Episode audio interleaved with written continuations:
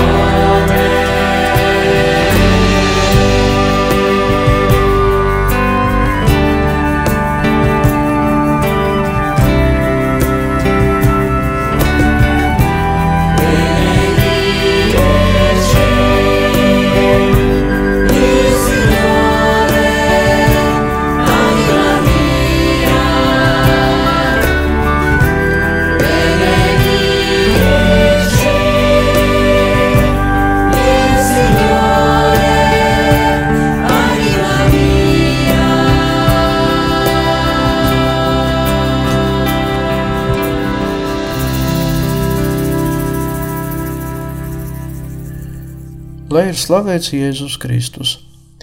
Cienījamie radījumi Marija klausītāji, ētera skan raidījums par eh, svētajiem un pie mikrofona esmu es, priesteris Večeslavs. Māsa Franciska Karbini kurai esmu veltījis šo raidījumu, piedzima priekšlaicīgi 1850. gadā. Visu savu dzīvi un nodzīvoja viņa 67 gadus, Franciska cīnījās ar daudzām un dažādām hroniskām slimībām. Un neraugoties uz to, Franciska kļuva par vienu no visaktīvākajām misionāriem visas baznīcas vēsturē. Savas dzīves laika viņa nodibināja 67 dažādus pārsvarā karitatīvā rakstura nodibinājumus un klosterus. Franciskas Karbini devums baznīcai bija tik aktīvs un aktuāls, ka 28 gadus pēc viņa nāves nomira viņa 1917. gadā, viņu iecēla svēto kārtā. Jāpiebilst, ka Franciska Karbini ir pirmā amerikāniete, kura tika kanonizēta. Kā jau iepriekš pateicu, Franciska piedzima 1850. gada 15. jūlijā Lombardijā. Jaunpiedzimušo nokristīja tajā pašā dienā, jo vecāki Stella un Agostino bija noraizējušies par bērna dzīvību. Franciska bija 13. bērns viņu ģimenē. Kad Franciskai bija 13 gadu, viņa dzirdēja no kāda priestera misionāra stāstu par misionāru dzīvi un kalpošanu Ķīnā, un jau toreiz nolēma veltīt sevi misijām. Mācoties skolā, Franciskai ļoti patika geogrāfija. Pēc skolas pabeigšanas viņa turpināja studijas un pati kļuva par skolotāju. Vairākus gadus Franciska strādāja par skolotāju kāda no lauku skolām un savu brīvo laiku veltīja saslimušajiem nabagiem. Viņa jūta savā sirdī aicinājumu veltīt sevi dzīvei klosterī, un divas reizes mēģināja iestāties kongregācijās. Tomēr gan pirmā, gan otrā kongregācija atteica viņas vājas veselības dēļ. Kad Franciskai jau bija 26 gadi, vietējais bīskaps un viņas draugs prāvests jautāja viņai, vai viņa negrib doties uz Kodogno pilsētā esošo dieva apredzības māju, lai vismaz kādu laiku padarbotos ar tur mītošajām jaunietēm. Franciska piekrita, un kaut arī neplānoja tur būt ilgu laiku, nodzīvoja Kodogno dieva apredzības mājā sešus gadus. Dzīve tur nebija no tām vieglākām. Dažas no vietējām darbiniecēm Francisku mēģināja gan pazemot, gan apvainot. Piedzīvotais tur Franciskai kļuva par iespēju vingrināties gan pazemības tikumā, gan padziļināt savu garīgo izaugsmi. Viena no audiencēm pie bīskapa, bīskaps uzrunājot Francisku teica: Tu vienmēr gribēji būt par misionāri. Jāsaka, ka nevienu no sieviešu kongregācijām, kuras veltīja sevi misiju darbam, es nepazīstu. Kāpēc tu negribi nodibināt savu kongregāciju? Šis piedāvājums šai klusai un pieticīgai sievietei šķita pārāk drosmīgs un līdz galam nepārdomāts, jo vairāk tāpēc, ka diezgan daudzas antiklerikālas organizācijas un spēki centās dažādos veidos iznīcināt baznīcas darbību. Tomēr Franciska pēc pāris mirkļiem atbildēja: Es pameklēšu šim nolūkam atbilstošu māju.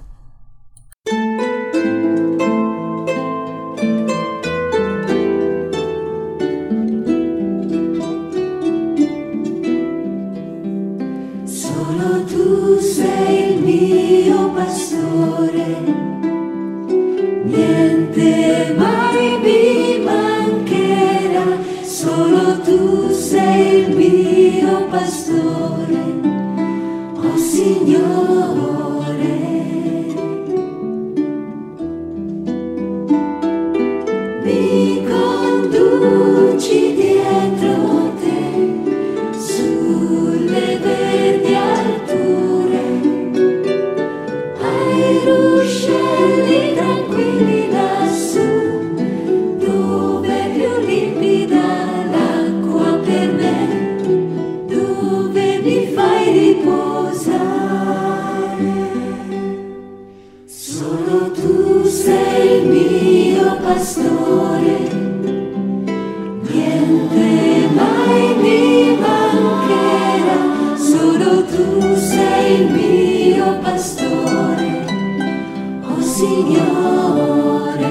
Por Senhor.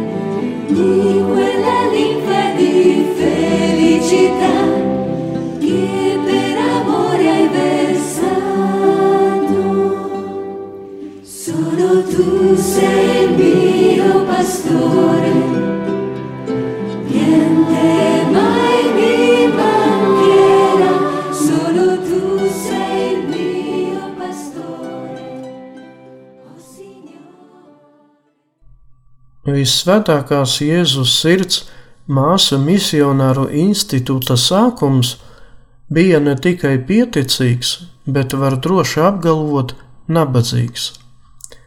Franciska kā sevis dibināta institūta vārdu izvēlējās Ksaverija par godu svētajam Franciskam Ksaverijam, lielam tālo austrumu misionāram. Par pirmo apmešanas vietu šim jaunajam nodibinājumam kļuva franciskāņu pamestais klosteris. Pirmo nakti savā jaunajā rezidencē Franciska Ksaverija pavadīja kopā ar vēl septiņām māsām, lūdzoties pilnīgā tumsā. Gultu nebija, toties bija ar salmiem piepildītie maisi. 1880. gada 14. oktobrī jaundibinātajā klosterī tika nosvinēta pirmā svētā mīse. Līdzekļu vienmēr pietrūka, tomēr milzīga Franciskas karbiņa ticība un paļāvība uz dieva apredzību arī pārējās māsās uzturēja šo paļāvības garu. Ļoti īsā laikā to, kuras vēlējās pievienoties Franciskai, kļuva tik daudz, ka izveidojas nepieciešamība nodibināt vēl trīs klostermājas. Milānā Franciskas māsas darbojas klostermājā, kurā uzturējas un dzīvoja jaunietes, kuras mācījās par skolotājiem un studēja universitātēs. Par Franciskas karbiņa nākamo mērķi kļuva institūta mājas nodibināšana Romā. Kāds no viņas padomdevējiem un labs draugs, uzzinājis par šo mērķi, pateica viņai: Tu esi jukusi? Jūsu institūtu tur vienkārši izsmies. Ar šīm lietām, lai nodarbojas svētie, tev nav ko tur darīt. Neraugoties uz brīdinājumiem un pretestību no draugu puses, Franciska Karbiņa kopā ar vēl vienu māsu devās uz Romu, lai meklētu iespēju tikties ar pāvestu. Tikties ar pāvestu neizdevās. Toties notika tikšanās ar pāvesta ģenerālo vikāru kardinālu Paroki. Sarunas laikā kardināls uzdeva Franciskai konkrētus jautājumus. Vai jums ir pietiekami daudz līdzekļu, lai nodibinātu un pēc tam arī uzturētu savu klosteru māju? Varbūt jums ir bagāti labdari, kuri varētu ziedot līdzekļus šim mērķim. Franciska Karabīņi mierīgi atbildēja: Nē. Kardināls bija ļoti pārsteigts par šādu atbildi, tomēr Franciskas acīs viņš ieraudzīja milzīgu paļāvību uz dieva gādību. Kardināls Paroki ieteica Franciskai tomēr atgriezties uz savām mājām un atbraukt uz Romu pēc dažiem gadiem. Franciska atstāja audiences zāli un devās uz tuvu esošo baznīcu, lai dalītos ar kungu Jēzu savā saruktinājumā. Pagāja pāris dienu, un viņa atkal klauvēja pie kardināla durvīm. Eminence pajautāja, vai viņa ir gatava būt pilnīgi paklausīga? Bez šaubām, atbildēja Franciska. Tādā gadījumā, ar smaidu atbildēja kardināls, Romā tev būs jāatver nevis vienu, bet divas savas klosteru mājas.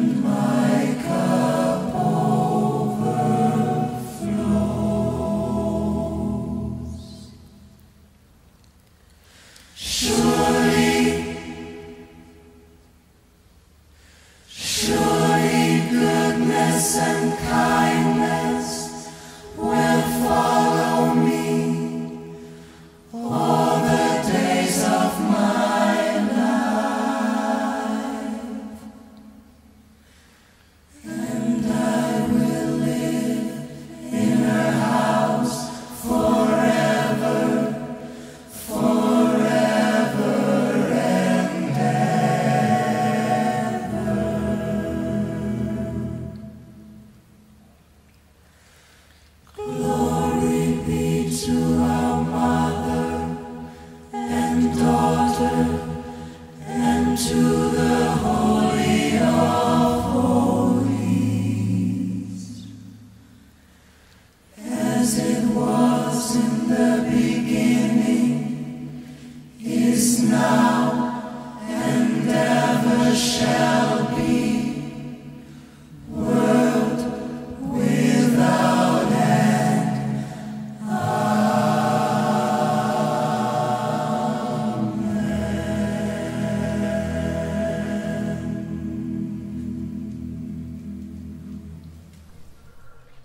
1889. gada sākumā pāvests Leons 13.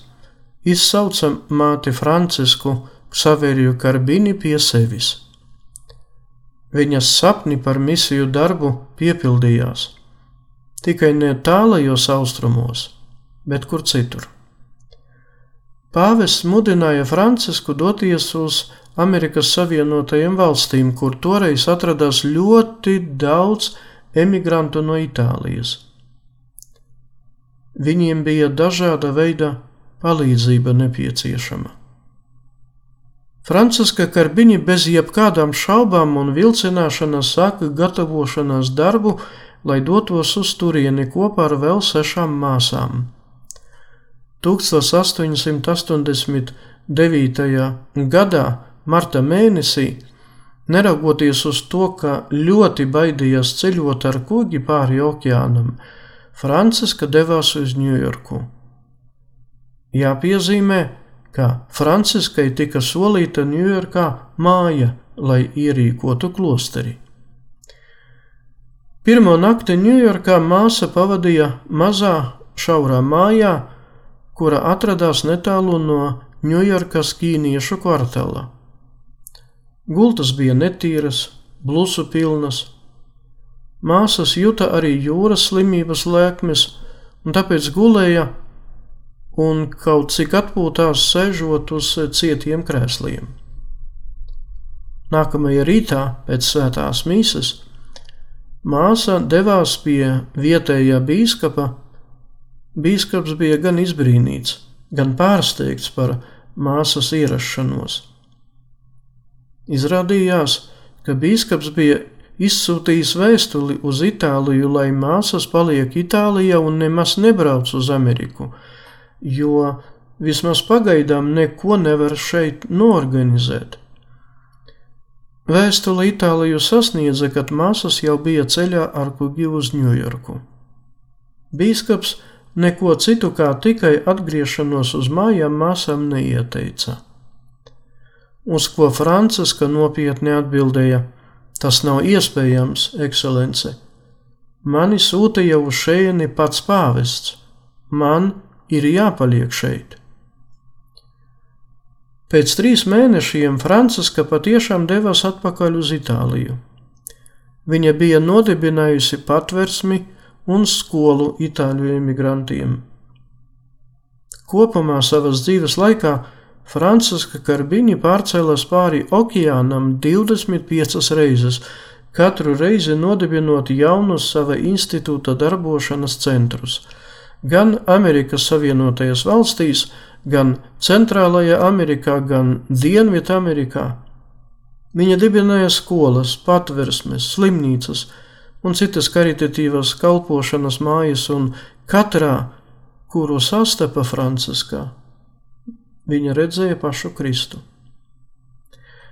1909. gadā Sietlā Franciska Karbiņa ieguva Amerikas Savienoto Valstu pilsonību.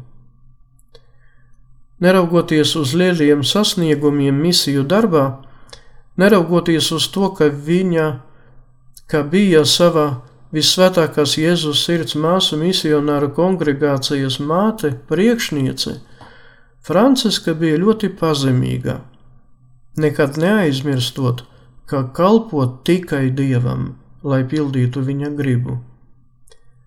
Par savu dzīves devīzi Franciska Ksaverija izvēlējās vārdus: Viņā es spēju izdarīt visu. Pastāv liecības, ka Franciskas lūkšanas nesa īpašas dieva žēlastības. Viņa pati nepievērsa tam uzmanību, cenšoties slēpt savu garīgo dzīvi. Viens no atgadījumiem ir saistīts ar kādu klostermāsu, kura vairākus gadus sūdzējās, ka cieš no varikozām vēnām. Ārsts ieteica šai māsai valkāt speciālas zeķes. Šī māsa kaut kādā veidā dabūja franciskas zeķes, un līdz ko tās uzvilka, pateica, ka ir pilnīgi izdziedināta. Nākamajā dienā Franciska ieraudzīja, ka šī māsa diezgan droši un ātri staigā un pārvietojas pa klostera gaitiņiem, un pajautāja, kā viss notika. Kad šī māsa visu izstāstīja, un ka viņai uz kājām ir Franciskas zeķes, svētā atbildot sacīja: Es ceru, ka tu māsiņ neesi tik neprātīga un neteiksi citiem, ka tās ir manas zeķes, un ka tāpēc esi izveseļojusies. Ne zeķes, bet tava ticība tevi izdziedināja, neizpļāpā to. Franciska Karbiņa nomira klusi viena no Čikāgas slimnīcām 1917. gadā. Liecības par žēlastību saņemšanas pēc lūkšanām pie Franciskas Karbiņa kapa parādījās gandrīz kā uzreiz pēc viņas nāves. Pāvestam tika adresētas vairāk nekā 150 tūkstošu vēstuļu un raportu no visas pasaules ar liecībām par Franciskas Ksaverijas Karbiņa aizbildniecību. 1928. gadā iesākās informācijas savākšanas process par Franciskas Karbiņa dzīvi un 1938. gada viņu beatificēja. Bet svēto kārtā viņu iecēla pāvests Pīs 12. 1946. gadā 7. jūnijā. Svētā māte Franciska Ksaverija Karbini ir emigrantu aizbildne. Liels paldies par uh, uzmanību, mīļie brāļi un māsas Kristu, lai jums uh, vienmēr seko svēto aizbildniecību un Dievs dāvā savu svētību un žēlastību, lai ir slavēts Jēzus Kristus. Raidījums Svētie. Katrā laikmetā ir dzīvojuši daudz svētie un katrai paudzei tie ir un paliek kā dzīvās ticības liecinieki. Mocekļi, apliecinātāji, vīri un sievas, jaunieši un bērni. Svētie ir tik dažādi, gluži kā mēs, bet ir kāda īpašība, kura visus svētos vieno. Viņi mīlēja, mīlēja Dievu un cilvēkus. Raidījums par svētījumiem ir stāstījums par Dieva mīlestības reālo klātbūtni mūsu dzīvē. Santa Trinitas unos Deus, miserere